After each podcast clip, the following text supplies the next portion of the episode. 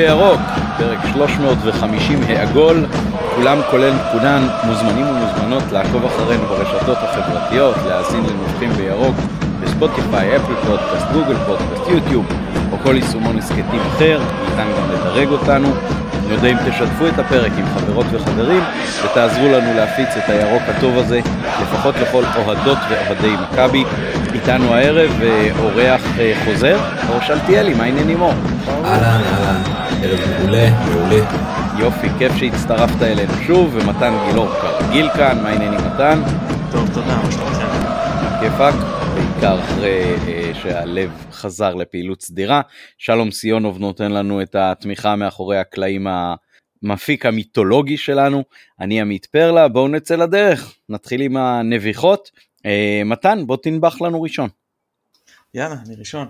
אז אני רוצה לנבוח על כל סאגת השלט. אז מי שלא מכיר אה, אה, אוהד את זה בשם אה, ליטל בר, שבעבר אגב התארחה אצלנו, היא, היא בוא, בוא נגיד את זה מחזיקת הלפיד בוא, בוא נקרא לזה במידה מסוימת במחאה נגד החתמתו של עומר אצילי במכבי והיא הגיעה עם שלט למשחק שנכתב עליו ציטוט של אחת הנערות מהפרשה אני לא אצטט זה גם לא מאוד רלוונטי ונאסר עליה להכניס את השלט עכשיו אני רוצה להתייחס פה אני שם בצד לרגע את דעתי על מה שנכתב בשלט כי אני חושב שזה לא רלוונטי זה לא הסוגיה שבאמת אה, אה, ליבת הסוגיה פה מבחינתי. כמו שאמרתי בימי אה, מחאת ינקלך כמו שאני, של אני בכלל לא מתערב במה שנקרא מחאה, אני לא אומר אם אני מסכים או לא מסכים, אני אומר שחופש הביטוי גובר. והאיצטדיון הוא, הוא, הוא מתקן ציבורי והאירוע הוא אירוע סמי ציבורי, זה לא אירוע פרטי, יש הרבה מאפיינים ציבוריים, לא רק כסף ציבורי, יש עוד כל מיני דברים שזה לא כמו שמי ששוכר מתקן ועושה בו פעילות פרטית פר סה. אמ, ולכן אני חושב שיש פה ממש סתימת פיות שאני מתנגד לה, שוב בלי קשר למסר הספציפי, כל עוד לא מדובר על הסתה לגזענות או הסתה לאלימות, ברורים אבל, אני חושב שכל מסר אין בעיה שאנשים אה, ייכנסו איתו לאיצטדיון. עכשיו זה אחד. ש- שניים, אני מאוד לא אהבתי את ה... כן, אתה רוצה לקטוע אותי פה? כן, אמרת לא הסתה לגזענות, לא הסתה לאלימות, אני כמובן מצטרף. נדמה לי שלפי הכללים של אה, פיפא וופא, גם מסרים פוליטיים במובן מסוים אסור, לפחות בתחרויות בינלאומיות מה שנקרא. כן, השאלה היא אה, אם אסור, אני, אתה יודע, אני לא מכיר שם את הכללים בצורה מדויקת, אני יודע שלקבוצה אסור, או לשחקנים אסור, אבל להגיד שאם אוהד נכנס לצורך העניין עם, אה, עם, עם פלייר עכשיו של הליכוד או של יש עתיד, אני לא יודע, אז, אז כאילו... זה לא תקין? אני לא יודע, אני באמת לא יודע, כן? אבל בכל מקרה זה גם לא היה issue פה, אז... עכשיו, אני לא אהבתי אה, כמה דברים מעבר לזה שלא נתנו אחד, אני לא אהבתי את העליהום שנעשה עליה מצד אוהדי מכבי.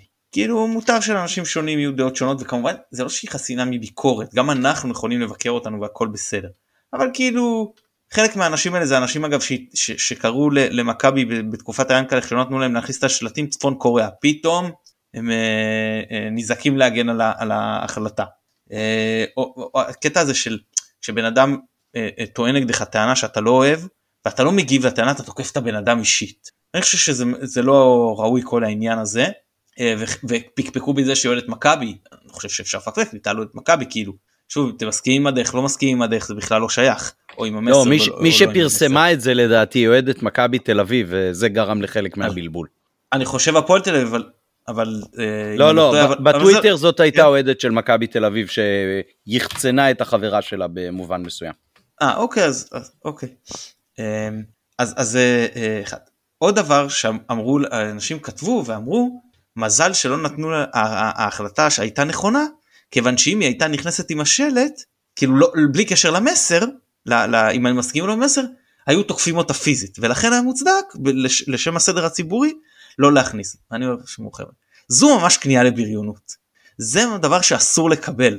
כאילו לא יכול להיות ש, שאנחנו נגיד אם אתה הקורבן או עליך נטיל את המגבלות אתה הקורבן הפוטנציאלי. זה דבר שאני לחלוטין לא מקבל אותו בעוד דברים. אגב אני אתן נגיד דוגמה שהיא קצת פוליטית אבל לא נורא כי אנחנו כן משתדלים לפה לא להכניס הרבה פוליטיקה. אתן דוגמה. אני למשל אתאיסט אבל אני מאוד מאוד חשובה לי הזכות של יהודים להתפלל בהר הבית. זכות הפולחן כי זה ככה ואומרים הרבה פעמים לא אנחנו לא יכולים לאפשר את זה כי זה אה, אה, חרון אפם של, של המוסלמים, אתה יודע, יגרום להם לנקוט באלימות. זאת אומרת, אני לא מקבל את זה. מי שלא יכול להיות במרחב הציבורי ולהתמודד עם מסרים שהם במסגרת החוק, או בתפילות, או עם כל התנהגות אנושית אחרת שבמסגרת החוק, הוא אותו יש להדיר מהמרחב הציבורי, ולא את האלה שפוטנציאלית עלולים להיפגע ממנו. אז זה העניין השני. והעניין השלישי הוא שלהבנתי באיזשהו שלב ויכול להיות שאני לא, זה שוב מה שאני הבנתי ומקווה שאני לא טועה, היא באיזשהו שלב החליטה אוקיי, לא נותנים לי להיכנס ולהכניס את השלט, בסדר, אני לא מעוניינת להיות פה. ואז ביקשה, אני רוצה את השלט שלי. ואז הבנתי שהמאבטח, אה, אה, הסדרן סליחה, קרא אותו וזרק אותו לפח או איזה משהו כזה. מי שמך יא חתיכת חוצפן? זה רכוש פרטי של אדם. נכון זה לא רכוש ששווה הרבה כסף, אבל יש פה עניין עקרוני. בסדר היא החליטה לא נתתם לה להכניס עניין אחד נגענו בו. בסדר היא רוצה לקחת את השלט ללכת איתו הביתה זכותה. מה, מה זה עניינך מה אתה נוגע בזה בכלל כאילו אחר כך זה זה פשוט זה אני חושב הדבר אולי הכי חמור פה כאילו על הדבר הזה חל זכות הקניין שלה תקן אותי אם אני טוען אני משפטן כן אבל אה, באיזה זכות בא אותו בן אדם ואמרת שהיא לא יכולה להיכנס אוקיי עכשיו היא רוצה ללכת עם השלט. אוקיי אז תלך עם השלט. אני, אני חושב שזאת חרפה גדולה של אה, בוא נאמר שאם על היעדר אה, כניסה אני יכול להגיד שהוא רק מילא את ההוראות של תפקידו ואני לא מצפה להגדיל יותר מדי ראש העניין השני הוא, הוא מה שנקרא בטוח שאף אחד לא נתן קשה להאמין שמישהו אמר לו נתן נורא טוב אל תיתן לה גם ללכת עם זה תשמיד את השלט. טוב פה, פה לדעתי יש אה, איזשהו משהו שכאילו חסרות לנו ראיות כמו שאומרים. א' אנחנו לא יודעים בדיוק מה הוא עשה עם השלט. ב' היא נכנסה והשלט נשאר בידיו אז כאילו מה, מה הוא אמור לעשות זה לא כמו המשחקים נגיד שאנחנו מגיעים בחול ויש איזושהי עמדה של הפקדת תיקים או חולצה של ספורטינג כמו שהיה לנו במשחק בליסבון שלא נתנו למישהו להיכנס עם חולצה של אה, ספורטינג אז הוא אסף אותה בסוף אז, אז אני באמת לא יודע איפה זה היה ואיפה זה נשאר ולמעשה גם היא בעצם לא יודעת כי היא לא ראתה נגיד את השלט קרוע איפשהו אלא היא נכנסה למשחק בלעדיו אז לך תדע לאן יתגלגל השלט הזה. אה, עם יתר הדברים אני בגדול מסכים. אה, זה, זה נכון שליטל כמובן אה, התארחה אצלנו בעבר ועם חלק ממה שהיא אמרה הסכמנו עם חלק פחות ו, ובהחלט ראוי שאפשר יהיה שלטים בנוסח הזה לדעתי להכניס. אני לא בטוח עד כמה הנושא של התיאום שהקבוצה דיברה עליו הוא תקף בתגובה של הקבוצה אמרו שלא היה תיאום עם המשטרה או עם הקבוצה על השלט ולכן אה, שלטים בלי תיאום אי אפשר להכניס. לא בטוח כן, שכל אחד... כן, מתאם בטוח לפני כל משחק, כן, אני, אני, לא, אני לא בטוח ש... אה, אני לא בטוח שכל השלטים של הילדים של אה, שרי, תן לי את חולצתך, זה משהו שמתואם עם הקבוצה מראש, אז, אז אפשר היה אולי למצוא איזושהי תגובה הולמת אחרת, ואולי באמת האתגור הזה של uh, התיאום מראש, אז עכשיו היא אמרה שהיא תיכנס, uh, תנסה להיכנס שוב בתיאום מראש, אז נראה באמת לאן הפרשה הזאת uh, תתגלגל הלאה. אני אתן את הנביכה... רק נגיד, כן. אני, אני רק אגיד, אני אסכם, שלא אגיד ש, שאני לא אובייקטיבי או משהו, אני יכול להגיד שאותי באופן אישי ליטל תקפה בצורה מאוד מאוד חריפה על כל הדעה שלי בכל הפרשה הזו, אה, אה, אה, עד רמה שכאילו, מתקפות אישיות לדעתי גם שקריות אבל זה, זה לא העניין פה, אני רוצה להגיד שאין לי, אני, אני בטח לא, לא, לא אהיה הסנגור הגדול שלה כאילו מבחינה איזה, איזה היכרות אישית או משהו, זאת אומרת זה לא עומד כאן, זו דעתי כפי שהיא. כן. Uh, הנביכה שלי ממקום אחר לגמרי, אמנם uh, מכבי הבקיעה את השער באמצעות uh, מסירה של קורנו לצ'יבוטה לפיירו וככה נכנס השער uh, וג'וש uh, זכויותיו עומדות לו בעצירת הפנדל, אני רק רוצה לומר שבדקה ה-69 וחצי אני החלפתי את המיקום ביציע וכעבור אה, דקות ממש ספורות הובקע השער והבן של יונתן אה, ביקש לצלם את הפנדל כשכבר אה, היינו ממש במרומי היציע עם הפנים ככה החוצה. האמת שזה היה יותר מורכב כי אני עברתי לשבת על המדרגות בדקה ה-69 וחצי ואז הובקע השער ואז נכנסתי חזרה לשורה שלנו כדי לחבק את הילדים ולצמוח על הגול. זו הפרעת הסדר הציבורי זו הפרעת הסדר הציבורי לא ש... אני כל אחד יעשה את מה שהוא יכול כדי שמכבי תכבוש אני עשיתי את שלי והראיה שמכבי כבשה בעקבות הפעילות שלי ואז המשכתי לשבת על המדרגות uh, במשך uh, עוד uh, כמה דקות עד שבעצם uh, עמד המשחק להסתיים והיינו כבר בזמן פציעות, ואז היה האירוע של הפנדל, עוד לפני שהוא נשרק, וממקומי היה לי ברור שיש אה, פאול ומגיע להם או פנדל או בעיטה חופשית, כן, יש את העניין הזה אם העבירה הייתה בתוך הרחבה או לא, אבל נעזוב את זה כרגע. אה, ואז היה לי, היה לי ממש חשש שהולך אה, להישרק פנדל, אבל הכרתי שאם נותנים לחדש את המשחק, אז המשחק מחודש וזהו. ואז כשנתנו לחדש את המשחק אז אמרתי אוקיי אז כבר לא יהיה פה פנדל ואז עליתי למרומי יציע ושיניתי את מיקומי שכמובן הביא למזל ולכיבוש השער, ואז כן היה הפנדל, ואז הבן שלי התחיל לצלם את מהלך הפנדל, ואמרתי לו, לא, לא, יונתן, אל תצלם. אז הוא אומר, אבא, תן לי לצלם, זה לא, אם אני מצלם, לא יהיה גול. ואז באמת הוא צילם, אה, ולא הובקע השער, ולשמחתי גם הכדור שנזרק מהיציע נזרק באיחור ובצורה חלשה, אז גם לא היה פנדל חוזר. אה, מי שרוצה יכול למצוא בטוויטר כמובן את הסרטונים, גם מה שהבן שלי צילם. אה, אז זהו, אז בזכות משפחת פרלה בעצם בא הניצחון הזה, ויש גם זכויות לשחקנים על הדשא, אבל ברור לדעתי מי באמת אה, חולל פה את השינוי. רגע עמית אולי לפני גם... שנעביר לאור אז, נפ... כן. אז נעשה פה רגע פינת הנוסטלגיה למשחק שהיינו ביחד במושבה. בבקשה. אז אוקיי אז כמובן שכבר כולם דיברו על זה היה משחק אחד הטובים של מכבי שהיינו בתחילת עידן בכר, היינו במושבה, הובלנו 1-0 על מכבי פתח תקווה, הם ישבו, ואז הובלנו 2-1, לדעתי משער של פלניץ', והם קיבלו פנדל דקה uh, אה, 95 או משהו כזה, עד 94, זה ניבד 95 אולי 96. עכשיו חשוב להסביר את המסגרת מה שנקרא, אנחנו מדברים על, על תקופת הקורונה, אנחנו ביציע עיתונאים, עכשיו כשאנחנו, כשאנחנו היינו ביציע עיתונאים, אנחנו כן כאילו קופצים בשערים, אבל לא כמו שאנחנו קופצים ביציע, ובשאר הזמן אנחנו לא מצניעים את היותנו אוהדי מכבי אבל אנחנו כן מנסים לשמור על איזשהו פאסון עיתונאי כלשהו, זאת אומרת ההתנהגות שלנו שם לא דומה במום להתנהגות שלנו כשאנחנו ביציע אנחנו לא מעודדים, אנחנו לא אה, צועקים יותר מדי, כאילו משתדלים מזה. ולידינו אה, ישבו אי אלו אנשי הנהלה ומקורבי מכבי פתח תקווה, שהם כמובן התנהגו כאוהדים לכל דבר, כאילו צעקות ועידוד ו, וזה. ואחרי ש, ש... ואז אני לא יודע אם אני, אני מזכיר לך, אתה, אני אמרתי שאנחנו משחקים טוב, ואז אמרת לי שאני עושה נאחס, ואחרי הפנדל אמרתי שלא מגיע לנו לצאת עם תיקו מכזה משחק, ואז אמרת שזה נאחס הפוך, שהנה עכשיו אני חושב ש... שנקבל ובגלל זה אה, עכשיו יש סיכוי שנעצור, לא משנה, שיעצור את הזה. לא משנה, אחרי שהוא עצר, עופר קם, מה שנקרא, באמת בצורה מטאפורית גזר את תעודת העיתונאי שלו. ויצא על הנהלת מכבי פתח תקווה כמו שלא ראיתי עיתונאים מעולם. קניאס לא מתנהג ככה ביציע העיתונאים אני אומר לכם באחריות כאילו יצא בדיבורים ותנועות ידיים שאתם רק יכולים לתאר לעצמכם איזה תנועות אז זה היה אה, אה, מאוד משעשע. כן כן זה בהחלט אה, הזכיר לנו את ג'וש של אה, עונת האליפות הראשונה של בכר ובפנדלים יש הרבה עניין של כוח הרתעה אז לדעתי יש פה אפקט שאנחנו עוד אה, עשויים להרוויח ממנו עוד אה, לאורך העונה. אור המיקרופון שלך. אז קודם כל את הסיפור על פרוסנר שמעתי כבר כמה פעמים ואני חייב להגיד שכל פעם שאני שומע אותו אני מרגיש עוד עקצוץ יותר מעקצץ על זה שאין תיעוד של האירוע הזה. אז אני כל פעם מרגיש שאני קצת יותר הייתי שם, אה, שאני שומע את זה מעדות של מישהו אחר, ואני כל פעם מצטער קצת יותר שאני לא הייתי שם.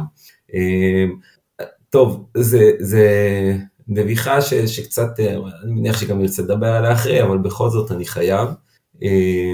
הבוז למאור לוי זה משהו שאי אפשר לקבל.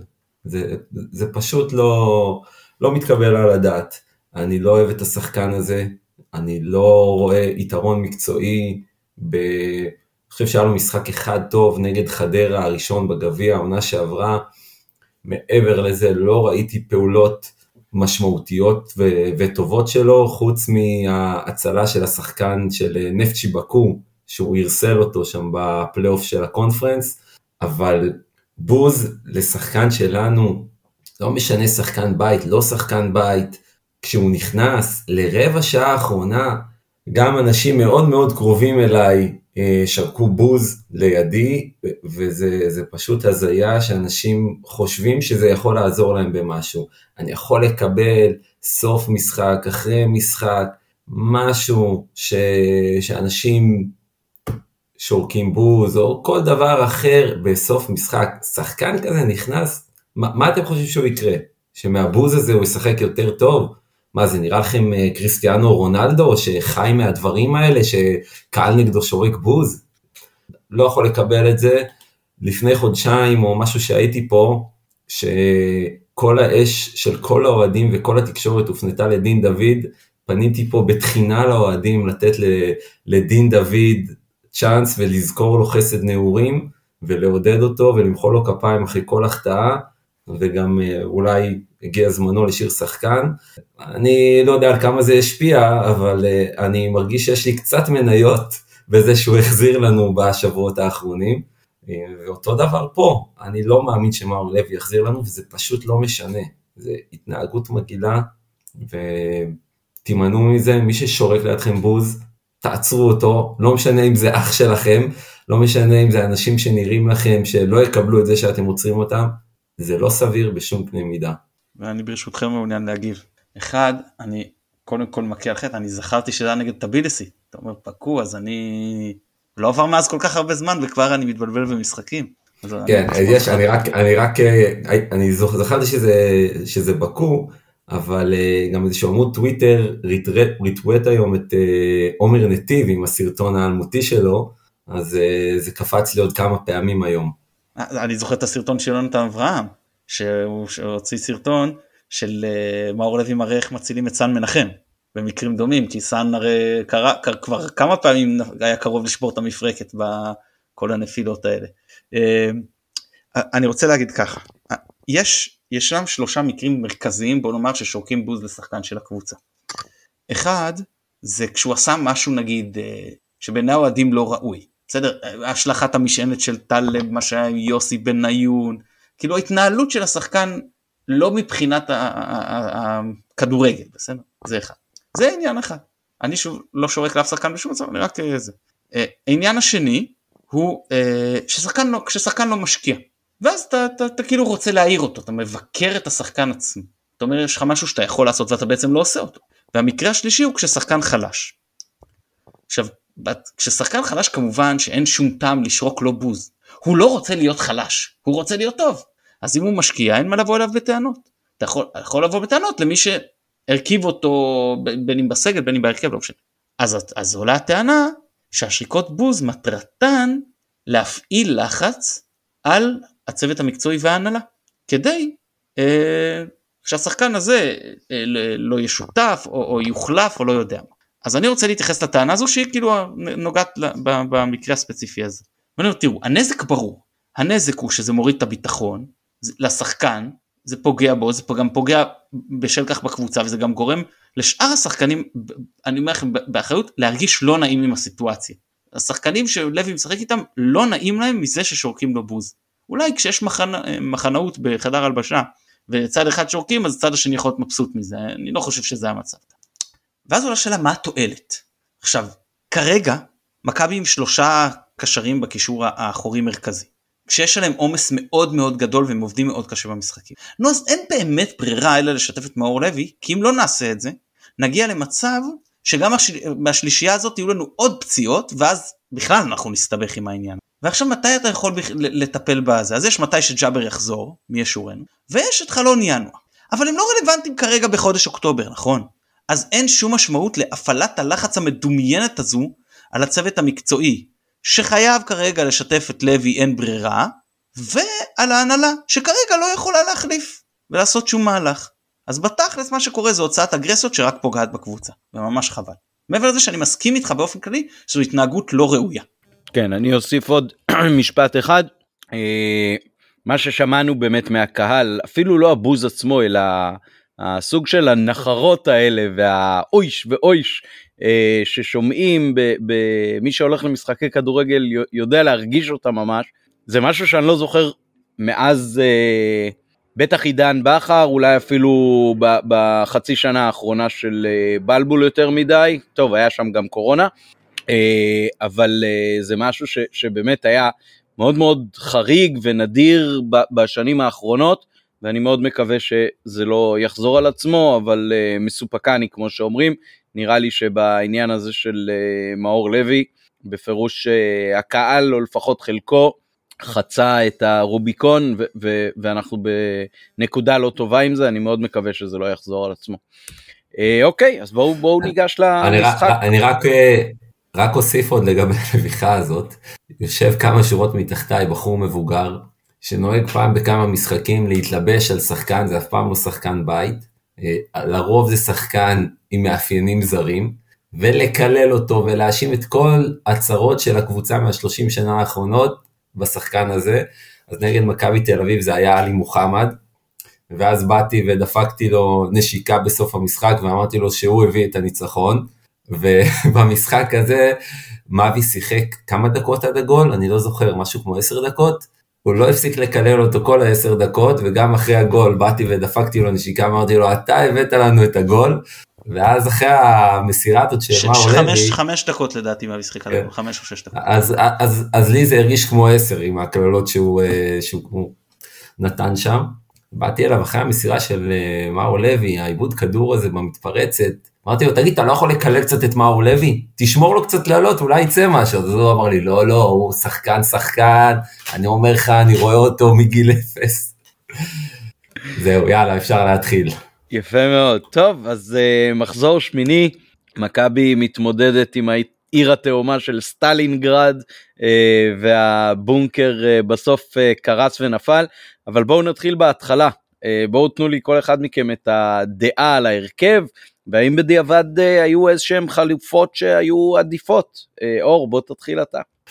תראה, אופק שאל אותנו בקבוצה קודם, בקשר למשהו שכתבתי בבוקר, על זה שבכר לא הכין את הקבוצה מבחינה מקצועית ומבחינה מנטלית, והוא צודק, לא כתבתי את זה מספיק ברור. התכוונתי שמאמן שמגיע למשחק הזה, אחרי שהוא ניצח 2-0 את יובנטוס, שהקבוצה שהוא משחק מולה שיחקה נגד מכבי תל אביב לפני כמה שבועות וחטפה 6-0, אחד הקלים שאני ראיתי בליגה הישראלית, אז הוא לא יכול לצפות שתבוא ותשחק מולו בצורה אחרת. זה פשוט לא, לא יכול לעבוד. אני חושב שזה דווקא היה משחק טוב שלנו ביחס, ל... ביחס למה שעמדנו מולו. הגענו להרבה הזדמנויות, היה המון המון המון הגבהות, המון. שלא הגיעו לכתובת, אבל גם היה הרבה הכנסות כדור מאוד חכמות עם המון המון סבלנות, לא נגררנו לזה למרות בזבוזי הזמן ו- ולמרות קצת הצגות, קצת הרבה או קצת, uh, קצת פחות, זה לא משנה, עדיין הקבוצה שמרה על הכיוון ו- ולא התבלבלה והמשיכה לתקוף, ניסתה משני הצדדים, הרבה יותר מצד ימין, כנראה בגלל ש... שזה היה דין דוד ולא חזיזה, אז מטבע הדברים עומר אצילי תוקף יותר, ויותר כדורים הולכים אליו, אבל ראיתי גם הרבה שינויי מקום, שאצילי הולך לצד שני לעזור לדין דוד, וששרי זז מצד לצד. אני חושב ש... שההכנה הייתה טובה, גם מקצועית וגם מנטלית, דברים לא עבדו. היה כמה הזדמנויות טובות מאוד, למרות כל הצפיפות, שפשוט לא נכנסו. אז ההכנה הייתה טובה, אבל אי אפשר אחרי זה להתבכיין על קבוצה כזאת שבאה ומסתגרת.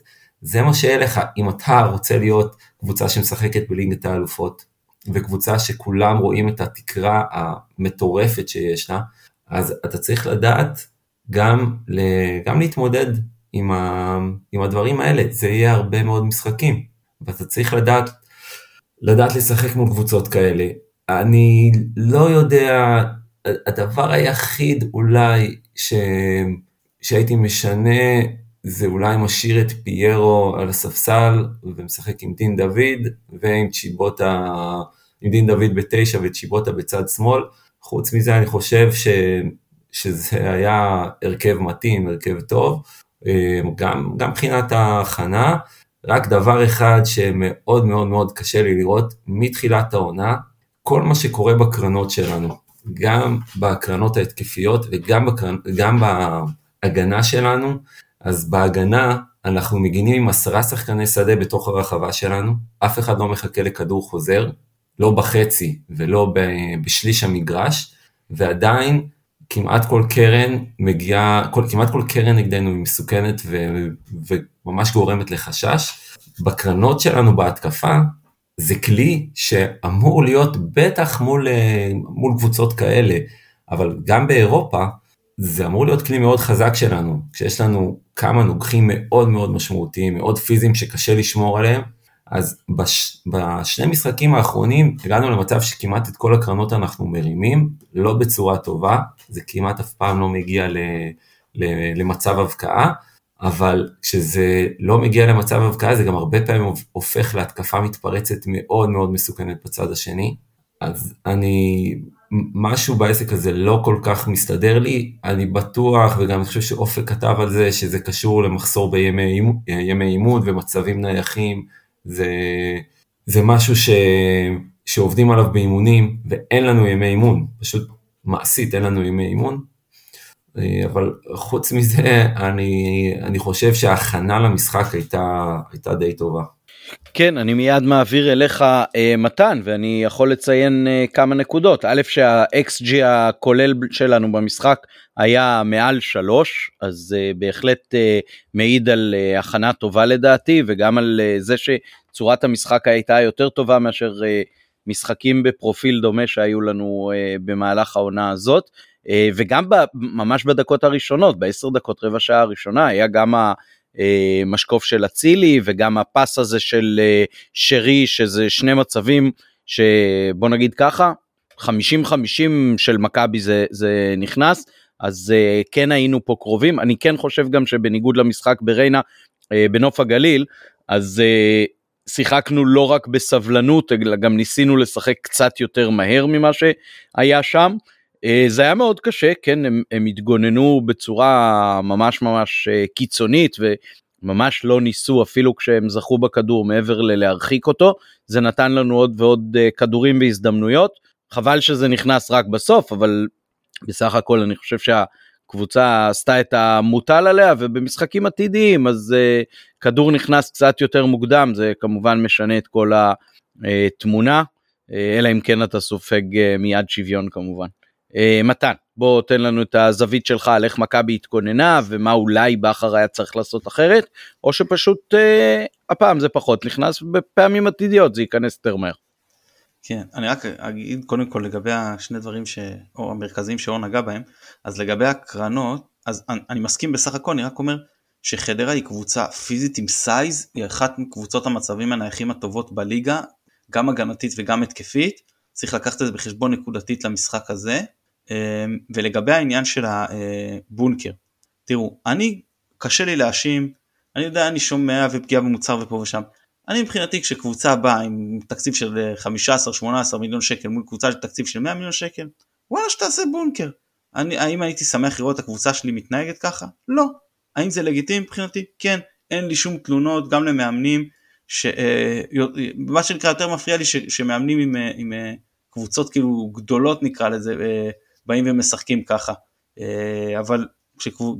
אבל גם זה זכותם ובטח כשקבוצות קטנות אין לי שום בעיה. מה שיש לי איתו בעיה זה לא הדברים האלה זה כל אותם בזבוזי זמן. שעד שמוציאים כדור וכל הנפילות, זה אגב גם כשמכבי עושה את זה לפעמים זה מוציא אותי מדעתי אפילו יותר כשמכבי עושה. אה, וימשיכו לעשות את זה עד שהשיפוט לא, כאילו עד ששופטים לא ימנעו באמצעות אה, סנקציות. אם שוער אוחז בכדור יותר מדי זמן אז לשרוק לבעיטה בלתי ישירה מתוך הרחבה. ואם לוקח לו להוציא אה, אה, בעיטת אה, שער, שנקרא בעיטת חמש כמו שאוהבים לומר, אז להוציא כרטיס צהוב, כי, ו, ובהמשך גם אדום. הדברים לא ייפתרו אחרת. אם לא יהיה פה סנקציות בצורה עקבית, אז, אז זה לא יסתיים. Uh, עכשיו לגבי, בוא נדבר שנקרא קצת כדורגל, אז לפני שאני מרשה לעצמי לבקר בכלל את בכר, אני אנסה לפרשן את בכר. Uh, אז הוא עלה מבחינתו עם ההרכב הכי חזק שעמד לרשותו, כי היינו, שוב, אנחנו מדברים על זה, היינו שישה ימים אחרי אה, יובנטוס, יש לנו עוד חמישה ימים קריית שמונה, כשאחרי זה אנחנו משהו כמו 70 שעות עם טיסה באמצע כבר עולים בפריז. אם יש לך איפשהו לעלות פה עם הרכב החזק זה היה נגד חדרה, נכון שקריית שמונה יותר חזקה, נכון שזה חוץ, נכון שאם יכולת לבחור את הלוז, היית בוחר שיהיה לך שישה ימים לפני קריית שמונה חוץ ושלושה אה, ימים אחרי חדרה את פריז, אבל לא יצא, אנחנו לא בוחרים את הלוז, אנחנו חיים עם הלו"ז שהלוח, שההגרלה נקרא לזה ככה, זימנה לנו וזה מה יש. אז פה היה נכון לטעמי לעלות עם ההרכב הראשון וטובה סבחר והשינוי היחיד הוא בעצם אבו פאני במקום עלי מוחמד. אז א' קשה פה להתייחס להרכב ראשון הרכב שני במקרים של שלושת שחקני האמצע כשאתה עולה רק עם שניים מהם כל ציוות פה הוא מאוד מאוד לגיטימי. Uh, עכשיו אני חושב שנקודתית למשחק הזה אם אתם uh, זוכרים בפרק קודם דיברנו לקראת חדרה אמרנו שזו אחת הקבוצות שמשחקת הכי נסוג בליגה. מהבחינה הזו לשחק עם נטע לביא אחורי ולפניו אבו פאני ושרי לדעתי תורם הרבה יותר מאשר לשחק עם נטע ואלי באותו קו ורק שרי לפניהם. ואם רוצים לשחק עם מישהו שנמצא לפני, כאילו שאחד אחורי, אז אני חושב שאין ספק שאבו פאני שם הוא, הוא יותר יעיל בטח בכל מה שקשור להתקפה, בין אם איומים מרחוק והכנסות כדורים לעומק, אה, אה, דריבל גם אה, וכניסות לעומק, פשוט דברים שהוא עושה לדעתי יותר טוב מעלי מוחמד ומנטע לביא, לא כל דריבל, כן דריבל ספציפית באזורים האלה. ולכן אני פשוט חושב ש, ש, שבכר עשה נכון כשהוא החליט לפתוח איתו, מה גם שזה נותן הזדמנות לאלי מוחמד שהוא שחקן מאוד עמוס וגם היה לו את כל נושא הפציעה, עוד מנוחה, אז טוב. עכשיו, אז אנחנו פתחנו ב-4-3-3 הדי סטנדרטי שלנו, וחדרה פתחו ב-4-3-2 בדיוק כמו שדיברנו לפני המשחק, לא היו פה שום הפתעות. Uh, מה כן בכל זאת טיפה הפתיע בפתיחה? אז אם אני מסתכל על הצד של חדרה, מה שהפתיע אותי, אני הייתי בטוח שמי שיצמד לפיירו יהיה סיסה. כי הוא גם uh, גבוה, הוא כמובן גם מאוד חזק, אבל uh, גם מפה לחזק, אבל אני חשבתי שסיסה יצמד בגלל הגובה, זה לא היה, סיסה שיחק את הסוויפר, את האחורי כמו ששיחק בדרך כלל, אבל ליפולה הוא זה שנצמד לפיירו, משהו סתם שלא צפיתי, אבל גם בזה היה היגיון, כי ברגע שהוא כן, פיירו הצליח להשתחרר ממנו, אז סיסה קיבל אותו, גם ליפולה היה קשה איתו פיזית, ולהביא דוגמה אחת, שהוא תפס את פיירו לא מוכן, ודחף אותו בלי אז שהוא נפל ולהגיד, או oh, הנה הוא, אה, פיירו לא כזה חזק, נו שוין, אנשים שכנראה לא מבינים איך, אה, שלא מבינים שגם אם תבואו ללברון ג'יימס כשהוא מופתע ותדחפו אותו רגע תוך כדי שאתם שמים לו רגל גם הוא ייפול, כאילו מה לעשות. אה, בכל מקרה, בטח שבחור חזק כזה עושה לכם את זה. אה, אז זה אחד לא שזה מומלץ לעשות את זה. לא, לא, מי שרוצה לעשות את זה לברון ג'יימס לוקח על אחריותו את התגובה והנזק שעלול להיגרם לו. אה, עכשיו הדבר, הדבר השני שהפתיע אותי מאוד פתיחה זה כשבניגוד למשחק נגד יובנטוס ולהרבה משחקים אחרים דחפנו מההתחלה ולמעשה לאורך כל המשחק אבל זה הפתיע אותי בהתחלה את הכדור ימינה חזק מאוד ימינה. עכשיו אני מנסה לנחש למה כי בדרך כלל אתה אומר כשאתה תוקף יותר מצד אחד או שזה סכמה שהכנת לפני והיא קבוצתית שאתה רץ איתה הרבה מה שלא היה פה או ששחקן ספציפית או שחקנים תופסים יום יותר טוב לעומת שחקנים שתופסים יום פחות טוב. ואז אתה אומר אני אלך על השחקנים היותר חמים זה גם לא היה המקרה כי מההתחלה דחפנו לשם את הכדור ומההתחלה דניאל סונגרן שיחק מאוד מאוד גבוה לא פחות מפייר קורנו שזה מפתיע בדרך כלל הוא משחק יותר נמוך ממנו ולפעמים אנחנו עושים סוג של מעבר כזה לשלושה בלמים כשצריך אה, לאזן את המשחק אה, שמאלה כשהוא אה, עולה גם ללחוץ גבוה. אה, למה?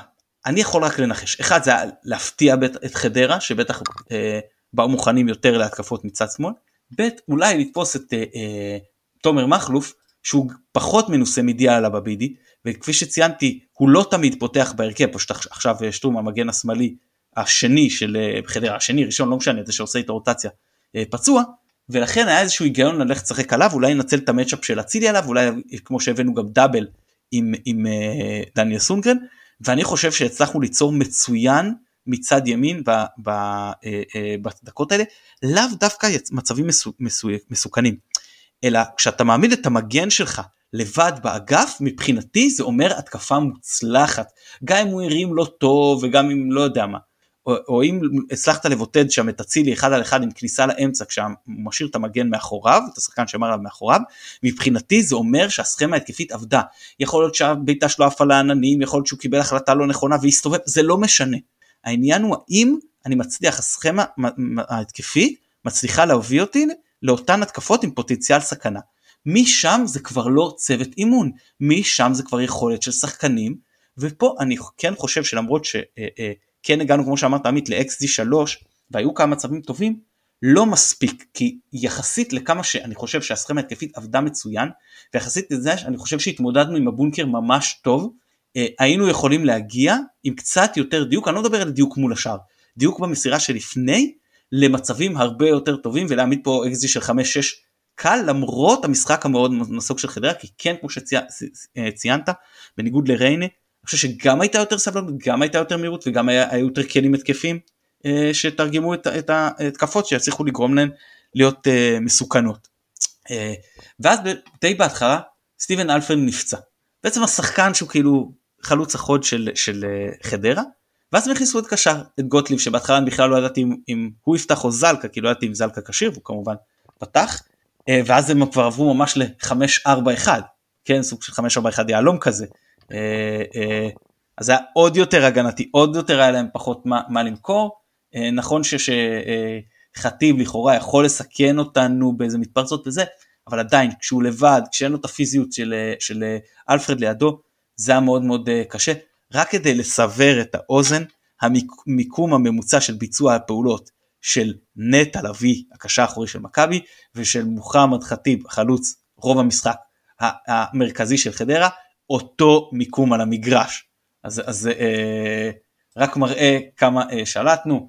אם ממש חשוב לכם מבחינת שיעורי החזקת כדור זה 72, שזה ירד מאוד אחרי הבקעת השער, כי עד אה, כיבוש השער זה, זה עמד כבר על משהו מאוד מאוד קרוב ל...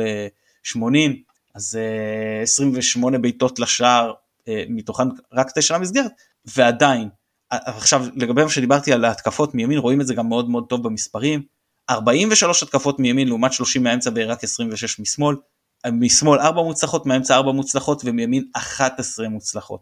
הייתה פה משהו מאוד מאוד uh, קיצוני, ועמית ציינת את ה-XD שלנו הגבוה, אני חושב שהיה לנו גם משחק הגנה מצוין, מצוין מצוין, ממש הגבלנו אותם, ומסתכלים על XD של חדרה ורואים 1.25 זה גבוה יחסית זה לא מה שאתה רוצה לאפשר אבל זה מאוד מאוד מטה כי פנדל זה משהו כמו 0.75 עכשיו זה, אם אתה אומר לי זה פנדל שעוצר מצב אז יש פה איזושהי המרה. אבל זה לא היה מצב זה היה פנדל שאני לא חושב שלדעתי לא חושב שהוא היה מומר פה לאיזשהו מצב ולכן כאילו במשחק השוטף זה לשמור את חדרה על משהו כמו 0.5 וזה כבר בסדר גמור. המתפרצת הזו כאילו חוץ בעצם היה את ה... פנדל והמתפרצת הזו של זלקה אה, שבסדר זה משהו שאתה חי איתו בשלום. כשאתה משחק כל כך גבוה אתה חי עם זה בשלום וכשהקשר האחורי של היריבה הוא זה שרץ אה, גם זה לא לגמרי אחד על אחד אבל הוא זה שמוביל את המתפרצת לבד אה, של היריבה זה משהו שאתה עוד יותר אומר אוקיי לגמרי השתלם לי לקחת את הסיכונים האלה. טוב דיברתי מספיק בואו גם אתם לפני שאני אמשיך.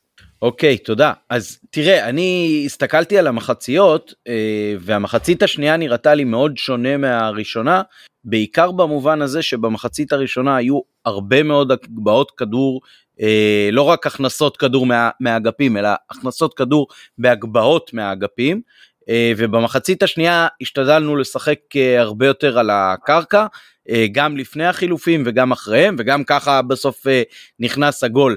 אה, אור, זו, זו נקודה שגם אתה שמת לב אליה, אתה חושב שהיה פה משהו מוכוון, אה, ואיך אתה רואה גם את החילופים של אה, בכר באמצע המחצית השנייה? מבחינת משהו מוכוון, אני חושב שכן, כי תראה, רואים את זה גם בפעולות. דין דוד, על אף היותו גם שחקן אגף טוב, אתה רואה את זה במיקום הממוצע שלו, נכנס הרבה יותר פנימה. ו, וגם הוא פחות רגיל לשחק עם קורנו. אני לא יודע להגיד לגבי המצ'אפ של מול, מול השחקנים בצדדים של חדרה, כי באמת אני לא מכיר, לא, לא מכיר אותם מספיק, אבל זה, זה היה נראה די מההתחלה ש, שלשם זה הולך. גם ראו את זה בכיוונים של נטע לביא, שיש משחקים שאתה רואה שאינסטינקטיבית הכדור הראשון שלו, הכדור בנגיעה שלו הולך שמאלה, ויש משחקים שאינסטינקטיבית אתה רואה שהכדור הולך ימינה. אני לא יודע, יכול להיות שיש דברים שאני לא יודע לנתח, אה, אם זה מוכוון או לא מוכוון, ממש אתה רואה את זה בייחוד על נטע לביא. אה, אבל מעבר לזה, אני לא יודע להגיד על זה משהו חכם, אני גם לא יודע להגיד לגבי המשחקים הבאים, אם זה נכון, ואם אם החוסר איזון הזה הוא תוצאה מוכוונת, אה, או שזה קורה פשוט כי האגף של, של קורנו ודין דוד הוא פחות מתואם ופחות עובד טוב. ו... אבל אם זה באמת בעיה של תיאום קורנו דין דוד או פחות התאמה של דין דוד, אז באמת אפשר לשקול שם את, את צ'יבוטה. אבל נגד יובנטוס כן תקפנו בהתחלה משמאל, ודחפנו את הכדור שמאלה. כאילו, מאוד עבד מאוד טוב. מורגש. לא, זה בדיוק, זה, זה התמונה שיש לי בראש. אתה ממש רואה שם נגד יובנטוס את, ה, את הכדורים האלה שנטע לביא פשוט הולכים בנגיעה שמאלה, בלי לחשוב בכלל, בלי, לפעמים זה נראה שהוא הוא על עיוור נותן את הכדור שמאלה, כי הוא יודע שקורנו או חזיזה יהיו שם. אולי בגלל הנטייה של דין דוד להיכנס פנימה, יש לו פחות את, ה, את החשיבה הזאת שהכדור, שהכדורים שלו צריכים ללכת אה, שמאלה. אני לא יודע. אני, אני כן חושב שהתיאום של חזיזה קורנו הוא הרבה הרבה יותר חזק התקפית מסונגרן ואצילי. כן, וזה גם דינדה פתח נגד יובה, כאילו באותה עמדה. נכון, אתה צודק, אז אני מדבר שטויות לגמרי. לא, אני... תראה, יכול להיות, לא, לא, יכול אז, להיות. אז יכול להיות שאני אה, בוא אני אציל לא אותך, בוא. אני אציל אותך. יכול להיות שפה רצינו להגיד שאת דין דוד אנחנו צריכים יותר על האגף נגד יובנטוס, גם נגיד מבחינה עזרה הגנתית, ופה יותר שיחתוך לאמצע וייצור עומס על השלושה אה, בלמים של חדרה ולא ישאיר נגיד את אה, פירו לבד. ואז מבחינה הזאת יותר הגיוני לקחת את הכדור לצד ימין. סתם, סתם שעולה לראש נגיד עוד משהו של אה, אפשרות. כן, אז יכול להיות שזה באמת הכנה כלפי מה שחדרה עושה, אני באמת לא יודע להגיד. אני לא מספיק מכיר כמה, איך ההכנות האלה של הצוות המקצועי למשחקים בשביל באמת לנתח את זה. אה, טוב, אני- עמית יש לך זה או שאני אמשיך עוד קצת? לא, לא, אתה- אולי תתייחס באמת לחילופים, מה בכר אה, ניסה להשיג ועד כמה זה באמת אה, הוכיח את עצמו, מעבר כמובן להשתתפות של צ'יבוטה בכיבוש השער. שאנשים אומרים טוב, כאילו אה, להוריד מהבישול שלו כי הוא בעט וזה פגע בפיירו, לדעתי זה רק צריך להעלות את הבישול, זאת אומרת אה, משהו שכאילו אתה, אתה ממש כופה על החלוץ אה, להבקיע, אז אתה צריך לקבל על הבישול נקודה וחצי. אה, טוב, רגע, קודם כל לא נגעתי בזה, אני חושב שהגישה של השחקנים הייתה מצוינת, והיה גם מראש אני הייתי מאוד אופטימי, כי גם ה- הקביעות האלה מ- מירושלים ו- ומנוף הגליל, כאילו נגד ריינה, אה, היו וגם היה להם עכשיו זמן מנוחה ואני באתי מאוד אופטימי למשחק שהם יבואו גם בגישה טובה ובטח מול אצטדיון מלא והם באו בגישה מצוינת אה, זה יאמר לזכותם. עכשיו אני רוצה רגע לגעת לפני החילופים בשניים שהיו לדעתי מצטייני המשחק ודיברתי על משחק הגנתי אבל אולי כדאי להדגיש אותם זה צמד הבלמים שלנו שבאמת לא משחקים יותר מדי זמן ביחד רק מאז טרנר נראה כאילו כאילו הם שלוש שנים כאילו כבר רצים כצמד. איזה תיאום ביניהם ושניהם פשוט נפלאים. ונכון נכון לא היה להם יותר מדי אתגר במשחק הזה אבל עדיין איזה אלגנטיות איזה נקיים הם, איך הם מתנהלים עם הכדור באיזה שקט באיזה ביטחון. וגם כשהם טועים אתה רואה שהם מפרגנים אחד לשני ואין, ואין כאילו ביקורת. אה, סתם אגב אתמול אה, בטובינסיקה עם, עם, אה, עם אה, 17 חילוצים אם אני לא טועה הכי הרבה העונה בליגה אני רוצה עוד משהו לגעת לגבי אה, איך רואים את השינוי בתפקוד של שחקנים. סונדגרן איך אתה רואה גם שהוא שיחק גבוה ויחסית לא היה לו כמעט אה, את, אה, הרבה פחות תפקד בהגנתי כי הוא נכנס לרק לשישה מאבקים. איך אתה משווה נגיד ליובנטוס? אבו פאני השחקן של הרוב נכנס אצלנו להכי הרבה מאבקים. רק שמונה זה מראה לך כמה הוא לקח על עצמו וכמה בכר נתן לו פה גם לדעתי. אני לא, אני לא רואה את זה כזלזול כי אני חושב שאבו פאני כן בא ב vibe טוב למשחק. פשוט בכר רצה ממנו הרבה יותר אה, כניסות לעומק והתקפה סטייל לשחק כמו עם שני שחקני עשר שרי ואבו פאני בכל צד של המגרש מאשר בוא נשלוט באמצע מאבקים וזה זה באמת במשחק הזה לא היה לך בכלל את המאבקים האלה באמצע שאתה צריך את אבו פאני שם כמו בהרבה משחקים אחרים כמו שהיית נגיד צריך אותו נגד מכבי תל אביב. פה אתה לא צריך אותו פה אתה רוצה אותו כעוד כלי התקפי ואני חושב שהוא עשה את זה מצוין בין אם באיומים מרחוק בין אם עם הכניסה של הכדור שפגע במשקוף. אם כאילו אז, אז פה אני חושב שגם השימוש היה נכון.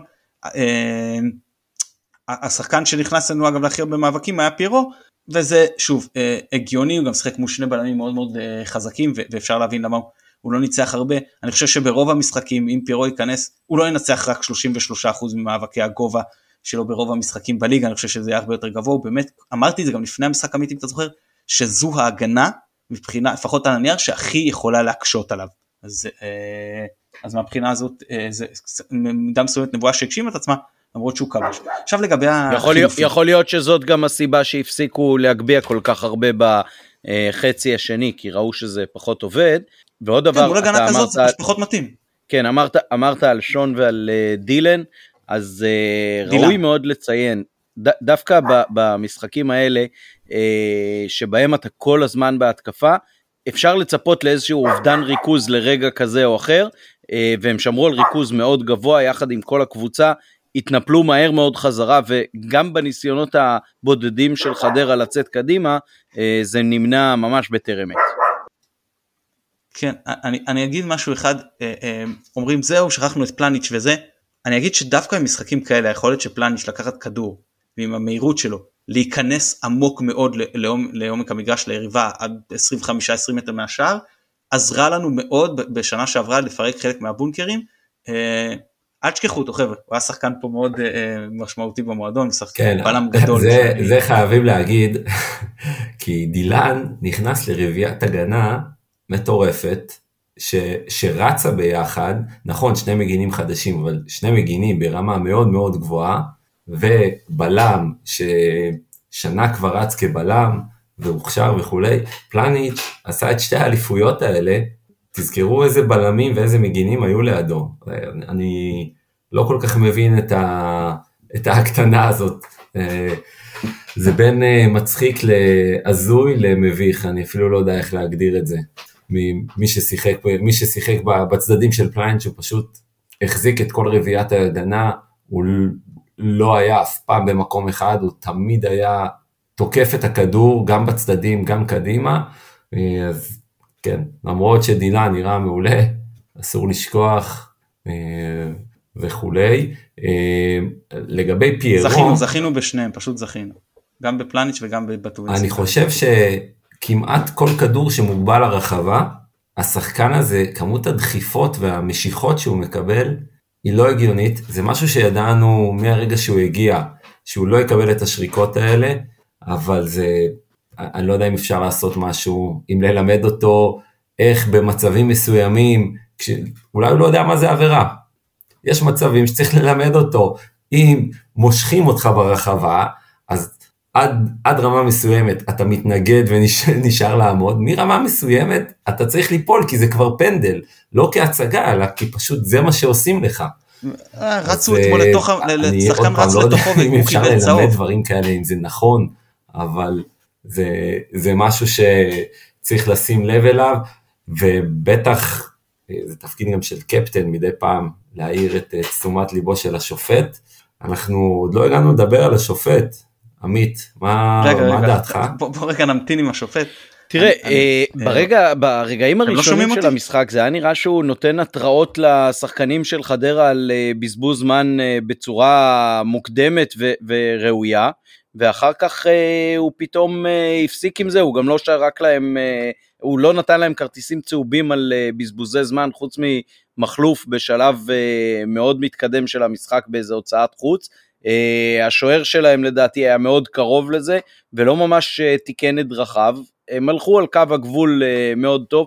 אני לא חושב שהשופט היה איזשהו גורם משמעותי. מה שמאוד הציק לי היה שתי דקות בלבד של תוספת זמן בחצי הראשון, כשהיה ברור שמשיכות הזמן הם כאלה שמעבר לזה באופן uh, דרמטי, וגם uh, יוסי פרץ ארי הכרוז, כשהוא uh, אמר כמה תוספת הזמן צפויה להיות, אז ראו באינטונציה שלו שהוא באיזשהו מקום מעורר את הקהל לדבר הזה. עמית שאלת לגבי החילופים, אז ככה, בוא אני, אני אנסה, בוא נקרא לפרשן פה את בכר, כן? שוב, אני חושב שזה החלק המעניין. Uh, אז החילוף הראשון בעצם היה חילוף כפול, שזה נכנס עלי מוחמד, נכנסו עלי מוחמד ומאביס צ'יבוטה, במקום נטע לביא ומוחמד אבו פאני. אז השינוי הראשון זה להכניס פשוט שחקן טרי לאמצע, כן, במקום שניים ש... אה, אני, אני לא הרגשתי שהם היו יפים, אני חושב ששניהם היו מצוינים אגב, גם נטע לביא וגם מוחמד אבו פאני, אני חושב שבאותן דקות אפילו אבו פאני היה השחקן הכי מסוכן שלנו, אבל ב, כמו שאמרתי על מאור לוי, הם כל כך עמוסים שאתה חייב לרענן את האמצע כמה שאתה יכול. זה אחד. והדבר השני זה היה פשוט לעבור לסוג של 4-2-4 כשאחד מהשניים באמצע בכלל שרי אז זה סוג יותר אולי אפשר לקרוא לזה 4-1-5 כאילו זה לזרוק, אה, לשים את דין באמצע, את מאביס על האגף, ולנסות, אתה יודע, ליצור כמה שיותר עומס בחלק הקדמי. עכשיו יש משחקים שזה יכול לעלות לך ביוקר בשני, אה, אה, מבחינה, בשני טעמים. אחד, אתה יותר חשוף באמצע, והרגשת באותן דקות שחדרה קצת משתחררים באמצע, והדבר השני, לפעמים אתה יוצר אה, כזה עומס ברחבה, אבל אין לך מי שיוביל את הכדור לשם. כאילו יש יותר מדי שחקנים ברחבה ולא נשאר לך מי שימסור להם את הכדור. אני רק רגע פותח סוגריים, שכחתי לציין את זה, חדרה בתחילת המחצית השנייה ניסו איזה דקה ממש ללחוץ עלינו לתקוף כאילו אולי להפתיע, ראו שזה לא עובד וקיפלו את העניין אז היה איזה דקה אחת במשחק שהם כן ניסו ממש uh, לשחק על התקפה. סגור סוגריים. זהו ואני חושב שבמקרה הזה ההימור של בכר שכבר עבד לו כמה פעמים uh, להישאר עם קשר אחד ולזרוק הרבה כלים התקפיים אז הצליח גם הפעם. Uh, צ'יבוטה אגב זה לא היה הכדור הראשון שהוא uh, הכניס היה אחד גם לפני שהיה די מסוכן עם זיכרוני אינו מתני וגם פה כמו שאמרת אני לא מבין התכוון לא התכוון אני מצפה משחקן במצב הזה לפוצץ לאמצע זה בדיוק מה ששחקן צריך לעשות מהנקודה הזאת. מגן שנוגע שחקן שחקן כאילו כשאני אומר שחקנים שהם באים במצב כזה מנסים להוציא אחורה בצורה אלגנטית והכל לא במתפרצת אני מתכוון כשהכל צפוף אני אומר לא לא כשהכל צפוף הגעתם למצב הזה כשאתם די קרובים לקורה וכאילו על קו הרוחב תנו כמה שיותר חזק לאמצע סיכוי שמישהו ידחוף שם איזה רגל לשוער יהיה קשה להגיב ועובדה שזה מה שקרה. אמ, אז אני חושב שמאביס בין אם הוא התכוון ספציפית למסור לפירו אם לאו זה לא משנה הוא פשוט פעל נכון. אה, אז, אז החילופים אה, אחר כך היה, שוב חילוף כפול. אחד זה סן מנחם במקום פייר קורנו. אה, אז שוב אנחנו יודעים שקורנו יש לו בעיה עם הכושר הגופני של ה-90 דקות. אנחנו רואים את זה משחק אחרי משחק שהוא הרבה פעמים מוחלף. והדבר השני להכניס את מאור לוי. אני מודה ש... אני חשבתי שהיה נכון להכניס, היה עדיף להכניס עוד בלם מאשר את מאור לוי, אבל בוודאי שאני יכול להבין למה בכר רצה להכניס עוד קשר לאמצע על חשבון אה, שחקן התקפה, כן, הוא הוציא את אה, דין דוד. זהו, על פעם אני חושב שכל החילופים היו אה, מאוד מאוד הגיוניים, מה שבכל זאת היה לי קצת חבל, זה שלא השתמשנו בחילוף האחרון. היה קצת יותר שטחים, אני חשבתי שפיירו מאוד מאוד עייף באותן דקות וכבר לא מצליח לזוז. אז להכניס נגיד את רוקאביצה במקומו. אה, אני חשבתי שהיה מקום לחילוף הזה, בחר בחר לא להשתמש בו, בסדר אה, שיקול שלו. זהו, אני חושב שגם מבחינת ההכנה למשחק, מנטלית וטקטית, גם מבחינת ניהול המשחק, אה, יש הרבה מאוד היגיון ממה שבכר עשה, וציון, אחרי שביקרתי אותו בחלק מהמשחקים הקודמים, אני חושב שציון מאוד מאוד גבוה, יכול לקחת קרדיט גדול מאוד על המשחק הזה נגיד. כן, ובסוף באמת בא השער כמו שצריך, וגם ג'וש עשה את שלו. אז יצאנו ממש ממש בשלום במשחק הזה ואנחנו אה, ממשיכים להיות צמודים מאוד לפסגה ובמוצאי שבת אה, יוצאים לגבול הצפוני למשחק בקריית שמונה לפני שאנחנו חוצים את הגבול ועוברים לצרפת. אז אה, קריית שמונה הפסידה במוצאי שבת לביתר, למעשה לא ניצחה מאז המחזור הראשון, היא אלופת התיקו עם אה, הפועל חיפה שבשמונה מחזורים יש לה שמונה נקודות, זה ממש ממש הולך בהתאמה, רוב התוצאות שלה הם אה, 0-0 או 1-1. אה, אז אה, מה אנחנו צריכים לעשות אה, מול קריית שמונה וקודם כל בוא תרחיב לנו קצת לגבי הקבוצה הזאת מתן. כן אז כמו שציינת קבוצה עם הרבה מאוד תוצאות תיקו רק ניצחון בודד ושני הפסדים אפשר להגיד משהו בין מרכז טבלה לתחתית, היא אומנם מקום תשיעי, אבל כאילו רק שלוש, שתי נקודות בעצם מהקו האדום אחרי ההפסד לבית"ר ירושלים. מצד שני גם חמש נקודות מבית עליון ורק שתיים מחדרה שבמקום השביעי, אז הכל עוד, עוד צפוף שם במרכז. היא לא קבוצה שתרד ליגה, כן, לא צריכה להסתכל על התחתית. אני גם לא חושב שיש לה סיכוי גבוה לעשות בית עליון, תסיים בצמרת הבית התחתון להערכתי, אבל באמת יש עוד הרבה זמן. טוב, אז ככל קבוצה של קורץ, קורצקי, היא לא יותר מדי פרטקנית. משחקת די נסוג, ממעטת ללחוץ גבוה.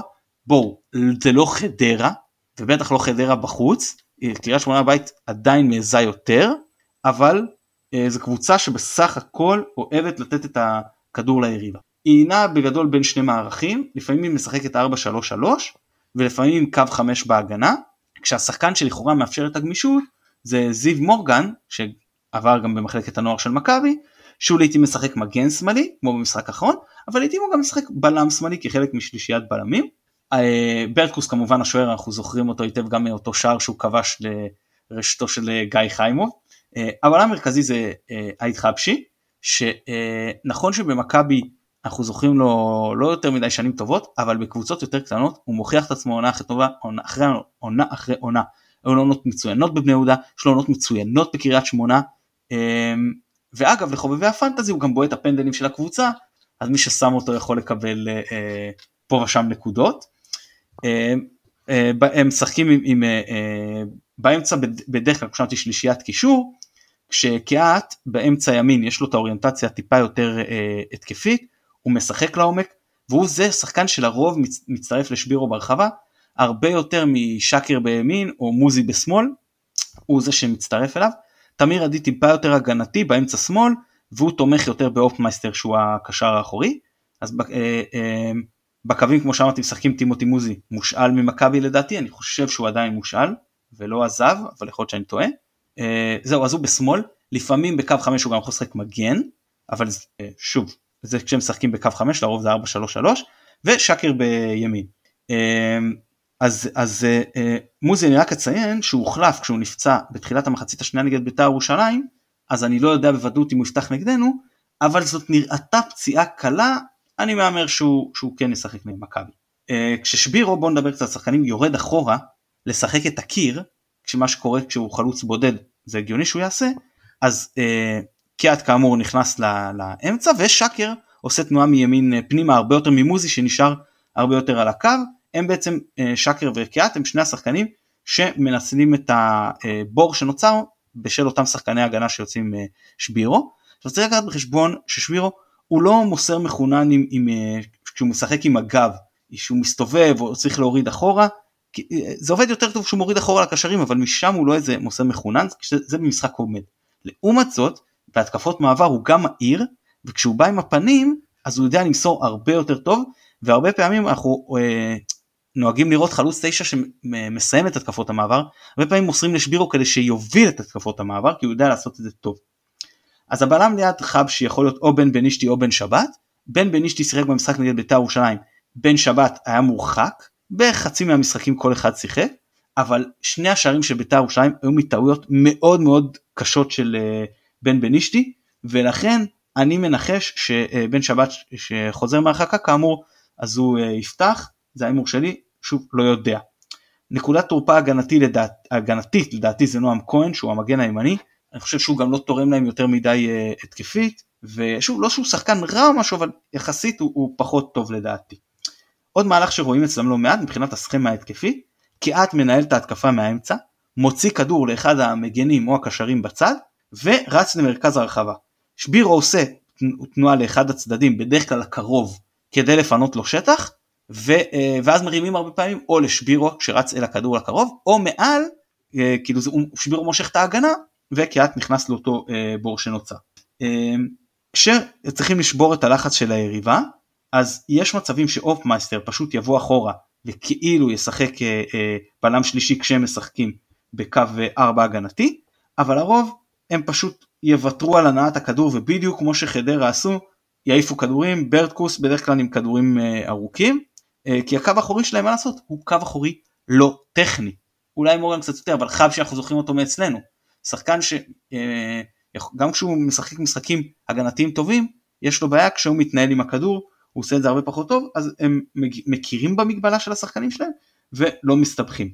אה, בהתקפה, בהתקפות מסודרות במשחק האחרון יצרו כמה מצבים או חצאי מצבים יפים אבל בהתקפות מעבר שמתחילות מהגנה יש להם בעיה גדולה עד שזה עובר את הקישור מגיע להתקפה הם עושים את זה מאוד מאוד לאט ולא מספיק יעיל יש מרחק מאוד מאוד גדול בין שבירו לבין הקישור עד שנדיר שההשקפות האלה הופכות מסוכנות.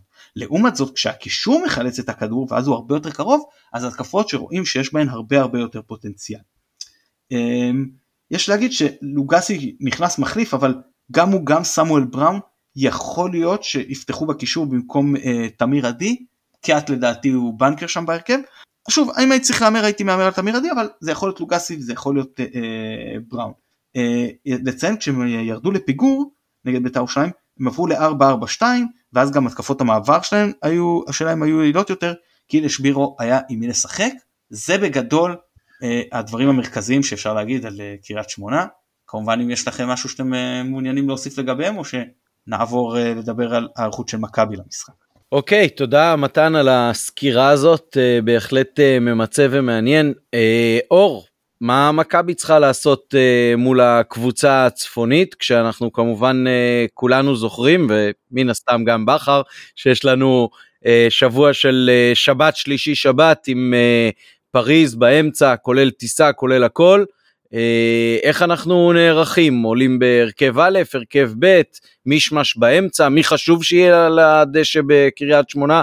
איצטדיון שלא ממש מאיר לנו פנים בדרך כלל.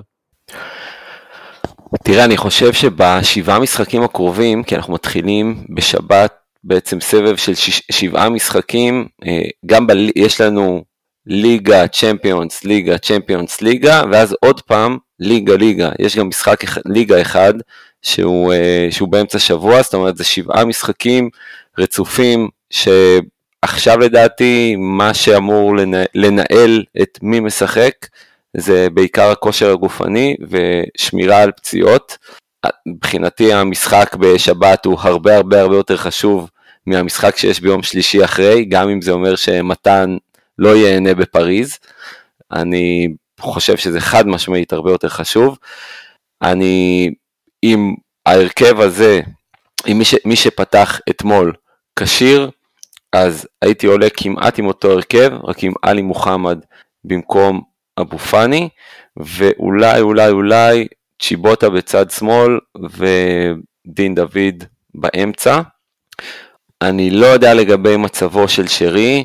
עכשיו, עם כל מה שאנחנו מדברים על הרוטציה והעומס, אה, אה, רק תבינו שבעצם אני לא יודע לספור כמה משחקים היה לנו מתחילת העונה, זה הדברים שמתן שולף uh, מתוך שינה, אבל חוץ ממשחק אחד, המשחק נגד לימסול, לא היה לנו משחק אחד שהיה בו garbage time. אפילו לא משחק אחד שהאטנו את הקצב. כל המשחקים שלנו הוכרעו בדקות האחרונות, או שהיינו צריכים ממש לשמור על התוצאה בדקות האחרונות, וזה מעבר לכל העומס של המשחקים, זה גם העצימות של המשחקים. אם אין לך אף משחק שאתה מסיים אותו במחצית הראשונה עם 2-0 או דקה 60 עם 2-0, אין, אי אפשר להשוות עצימות של משחק שבדקה, בין דקה 60 ל-90 אתה מנסה להכריע אותו, לעצימות של משחק שהוכרע בדקה 60 אה, מכל השחקנים. זאת הסיבה גם שרוב שחקני ההרכב משחקים כמעט תמיד את ה-90 דקות האלה, ולרוב בכר לא משתמש בחמישה חילופים. אז לחלוטין מכאן והלאה זה, זה איכשהו לשמור על השחקנים, שהחמישה משחקים שיש לנו בליגה יעברו כמה שיותר בצורה תקינה, עם מקסימום נקודות ומינימום פציעות. אני באמת לא יודע מי, איך, איך מנהלים את, העומס הזה, אבל העדיפות היא חד משמעית לליגה, ובטח למשחק כזה. המגרש בקריית שמונה, מעבר לזה שהוא לא מאיר לנו פנים, גם זה מגרש, מגרש שהוא קשה לקבוצה כמו מכבי חיפה, זה לרוב דשא לא ברמה גבוהה, אני לא יודע מה מצבו היום, אבל אה, אני מקווה שהוא יותר טוב מהמצב של הדשא שלי, כי משפחה של חזירים באה לבקר אותנו בלילות האחרונים, והדשא הזה נראה כאילו אה, נפלו בו כמה מטחי קטיושות, אז אני מקווה שבקריית שמונה יותר טוב. אה, יש לי גם נביחה קטנה על, ה, על המשחק הזה, אני לא מצליח להבין איך המינהלת או הזכיין ואיך מכבי חיפה לא עשתה עם זה שום דבר, אבל לא יכול להיות שהמשחק הזה משוחק בשעה שמונה וחצי בערב, שביום ראשון בבוקר אני מניח שהקבוצה כבר צריכה להתארגן ולנסוע לשדה התעופה, זה לדעתי, ב- ב- זה הזוי. זה השחקן, כאילו אין סיי לאף אחד, זה... אבל, אבל תמיד... אבל תמיד אפשר לבקש, תמיד לא, אפשר לבקש, אני, זה נראה לי, חוץ מזה שאני תכננתי כבר עם כמה חברים, בתחילת העונה סימנתי את זה, וקבענו שאנחנו ניסע לקמפינג בחורשת טל, ואז אחרי זה למשחק, כי הוא יהיה בצהריים, אה, עם כל הילדים ועם כל הזה, וניתן לאנשים לנוח. אה, במקרה זה גם יצא ש, שאשתי בחו"ל השבוע, אז בכלל חשבתי שזה מעולה, ואז פתאום ראיתי שמונה וחצי בערב, וחטפתי חום.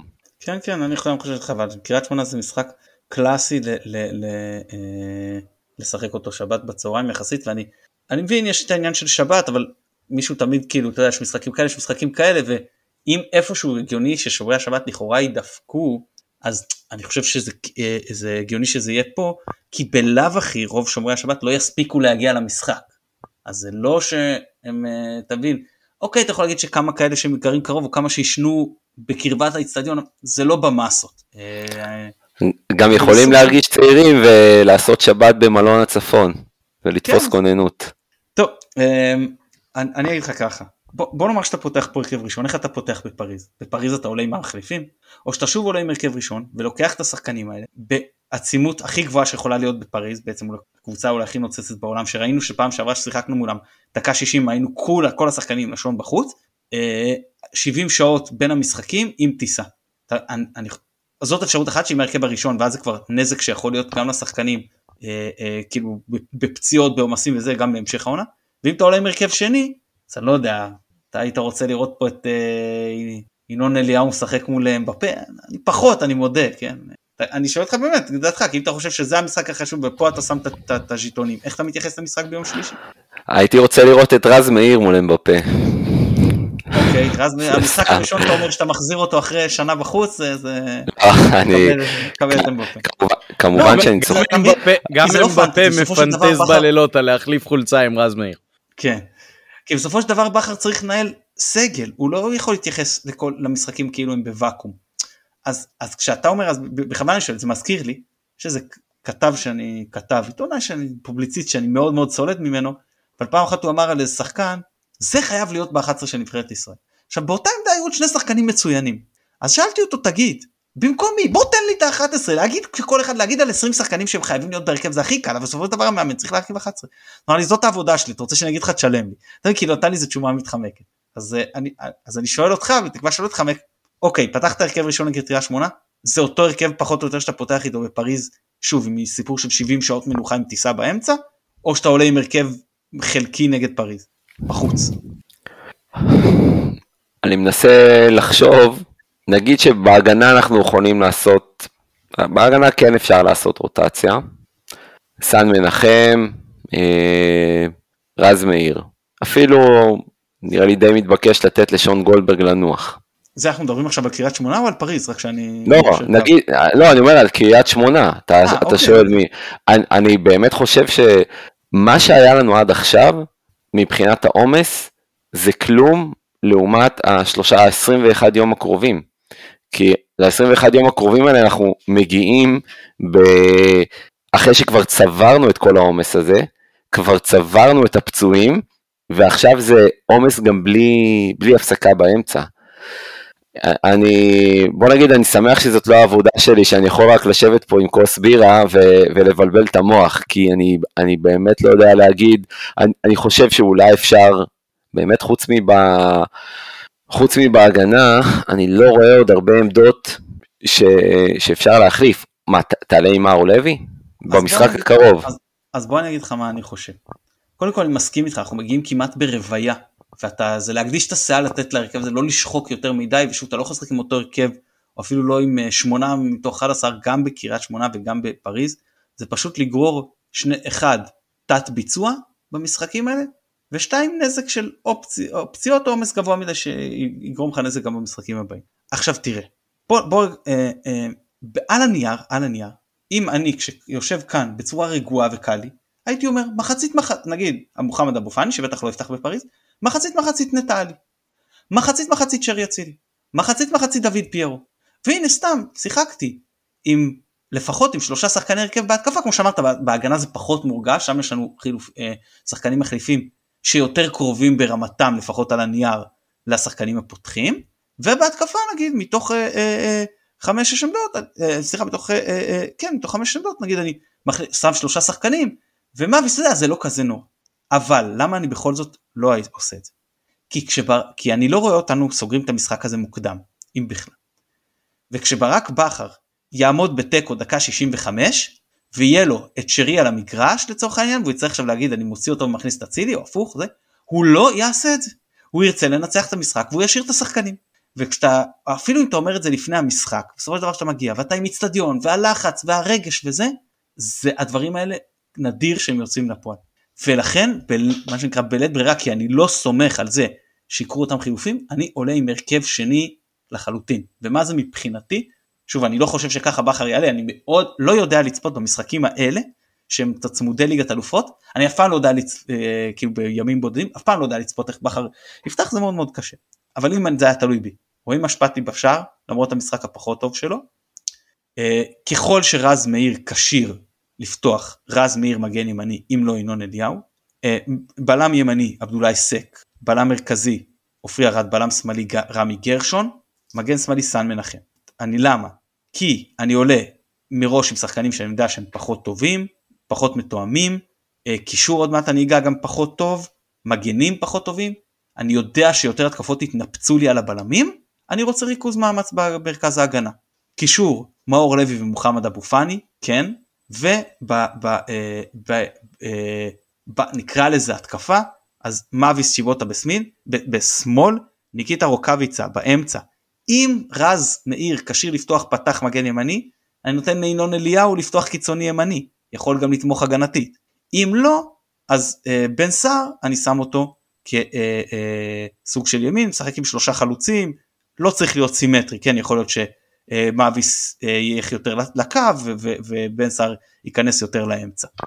זה ההרכב שלי, שוב, בתקווה קריית שמונה לא ניצחה כבר הרבה זמן, גם בבית כמו שאמרנו מלכת התיקו עם ניצחון אחד, אני חושב שהרכב כזה שלא לוקח סיכונים, שלא הולך על כל הקופה, שמשאיר כן גם שלושה וארבעה שחקנים מאחורה, שוב קריית שמונה זה לא הקבוצה שתחזיק ותהיה דומיננטית ותתקוף אותך גלים גלים, אין להם את הכלים לזה, הם לא מורגלים בזה אצל קורצקי, זה לא אותה קבוצה של סלובו, וגם אז הם לא היו כאלה אבל הרבה יותר, אני מאמין שבהרכב הזה בהתנהלות נכונה אפשר להביא את המשחק בתיקו לדקה 60 ואז אתה מכניס שלושה חילופים ארבעה חילופים דקה 60 שאומר לך עוד אחד או שניים להמשך ובהחלט יכול להכריע את המשחק. אה, אנחנו כבר ראינו שאנחנו בעומס יודעים להסתבך גם עם ההרכב הראשון ומה שהיה בטדי שוב לפחות אם נסתבך אני אדע שהשחקנים שלנו קיבלו מנוחה ואני שוב באמת מאמין גם שזה משחק שאפשר לנצח אותו ואני אפילו אגיד שה... ירידה בסיכוי לנצח אותו עם מפתח הרכב שני היא לא כזו דרמטית בגלל אותו עומס פיזי ומנטלי שקיים על ההרכב הראשון. טוב אה, אז מתן מצא גם העונה את ההרכב בלי פלניץ' שלו שהיינו אה, רגילים לו בשתי עונות הקודמות אה, זה באמת קיצוני מתן אני כן חשבתי על סיטואציה של חמישה בהגנה בשביל לאפשר עוד רוטציה וכן שניים באמצע. וכן הייתי שמח מקדימה אולי לחילופים שמאפשרים לאצילי ושרי נגיד לפתוח על הספסל או לפחות לאחד מהם זה נראה לי קצת קיצוני. אני חושב שאתה לא לוקח גם בחשבון את המידת אה, תסכול הגבוהה שיש כשההרכב השני ככה עולה וכולם גם לא מתואמים וגם לא מצליחים לייצר כלום.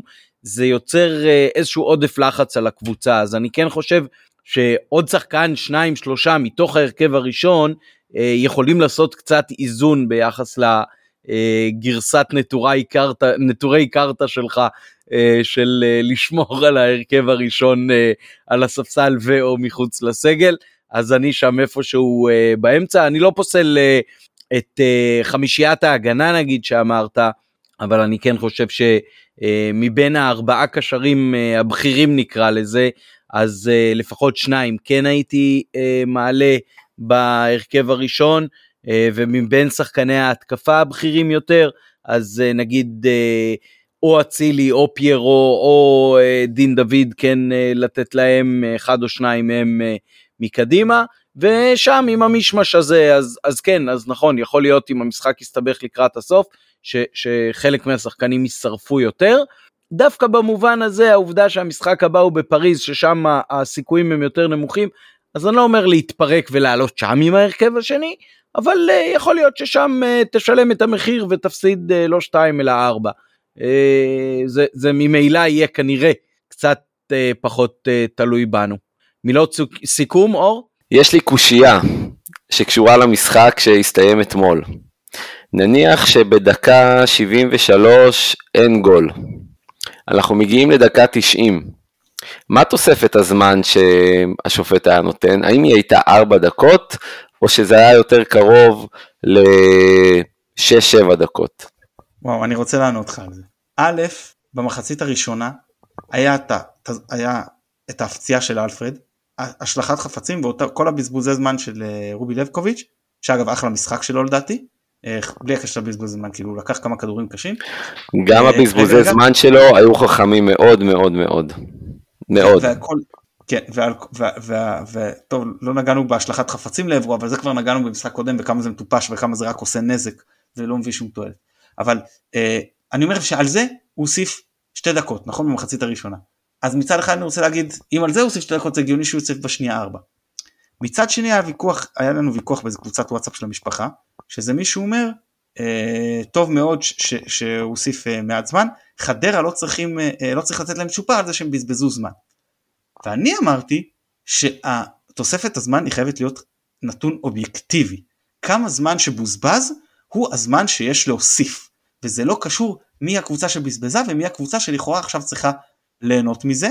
ואחד אחר אמר בכלל שאוקיי אבל אם נספוג שוויון אז לא יהיה לנו זמן להחזיר מה שכן היה 107 דקות נגיד ובדיוק אז היה הפנדל אז זה בכלל יצא אה, טוב אבל אה, אה, לסיכומם של אה, דברים אני כן חושב שאם היה תיקו בגלל שחדרה בזבזה את הזמן ויש פה את עניין של איך הרוח של השופט הוא כן היה מוסיף יותר לא בגלל שמכבי היא הקבוצה הגדולה וחדרה הקטנה אלא כי חדרה היא זאת שבזבזה זמן למרות ששוב לדעתי זה לא צריך להיות קשור אבל לא הרבה יותר כאילו דקה יותר לא, לא מעבר לזה לדעתי אבל זה כמובן אני מנכס לספקולציה. טוב, את, דעתי הבנתם, מעצם זה ששאלת את השאלה. כן, כן, לגמרי. שאלה גם uh, מעניינת, זה נכון. Uh, אני גם מסכים עם הגישה של מתן uh, בגדול, אבל uh, אין מה לעשות, יש פה הטיה מובנית. Uh, לאו פה נובח ורוצה כבר את היחס שלו, אז אנחנו נסיים, נזכיר לכם uh, לעקוב אחרינו ברשתות החברתיות, נקווה להמשך uh, שבוע טוב, מחר כבר יום רביעי ואו-טו-טו שבת, ואחרי זה יש לנו באמת רצף משחקים מטורף. נקווה שימשיך אה, לשמח אותנו מה שקורה העונה הזאת. תודה רבה, אור. להתראות, חבר'ה. תודה רבה, מתן. תודה, היה כיף כרגיל, תודה רבה לשלום סיונוב שנתן לנו את התמיכה הטכנית אה, מאחורי הקלעים. אני הייתי עמית פרלה.